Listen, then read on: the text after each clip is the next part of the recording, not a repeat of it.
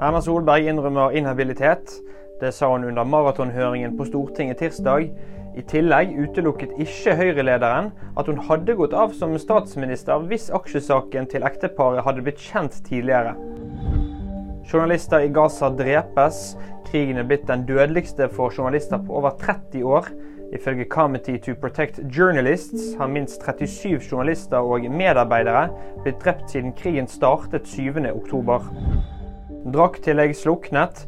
Det sier Manchester United-legenden Wayne Rooney i podkasten Seven, Rob Burrow The Podcast.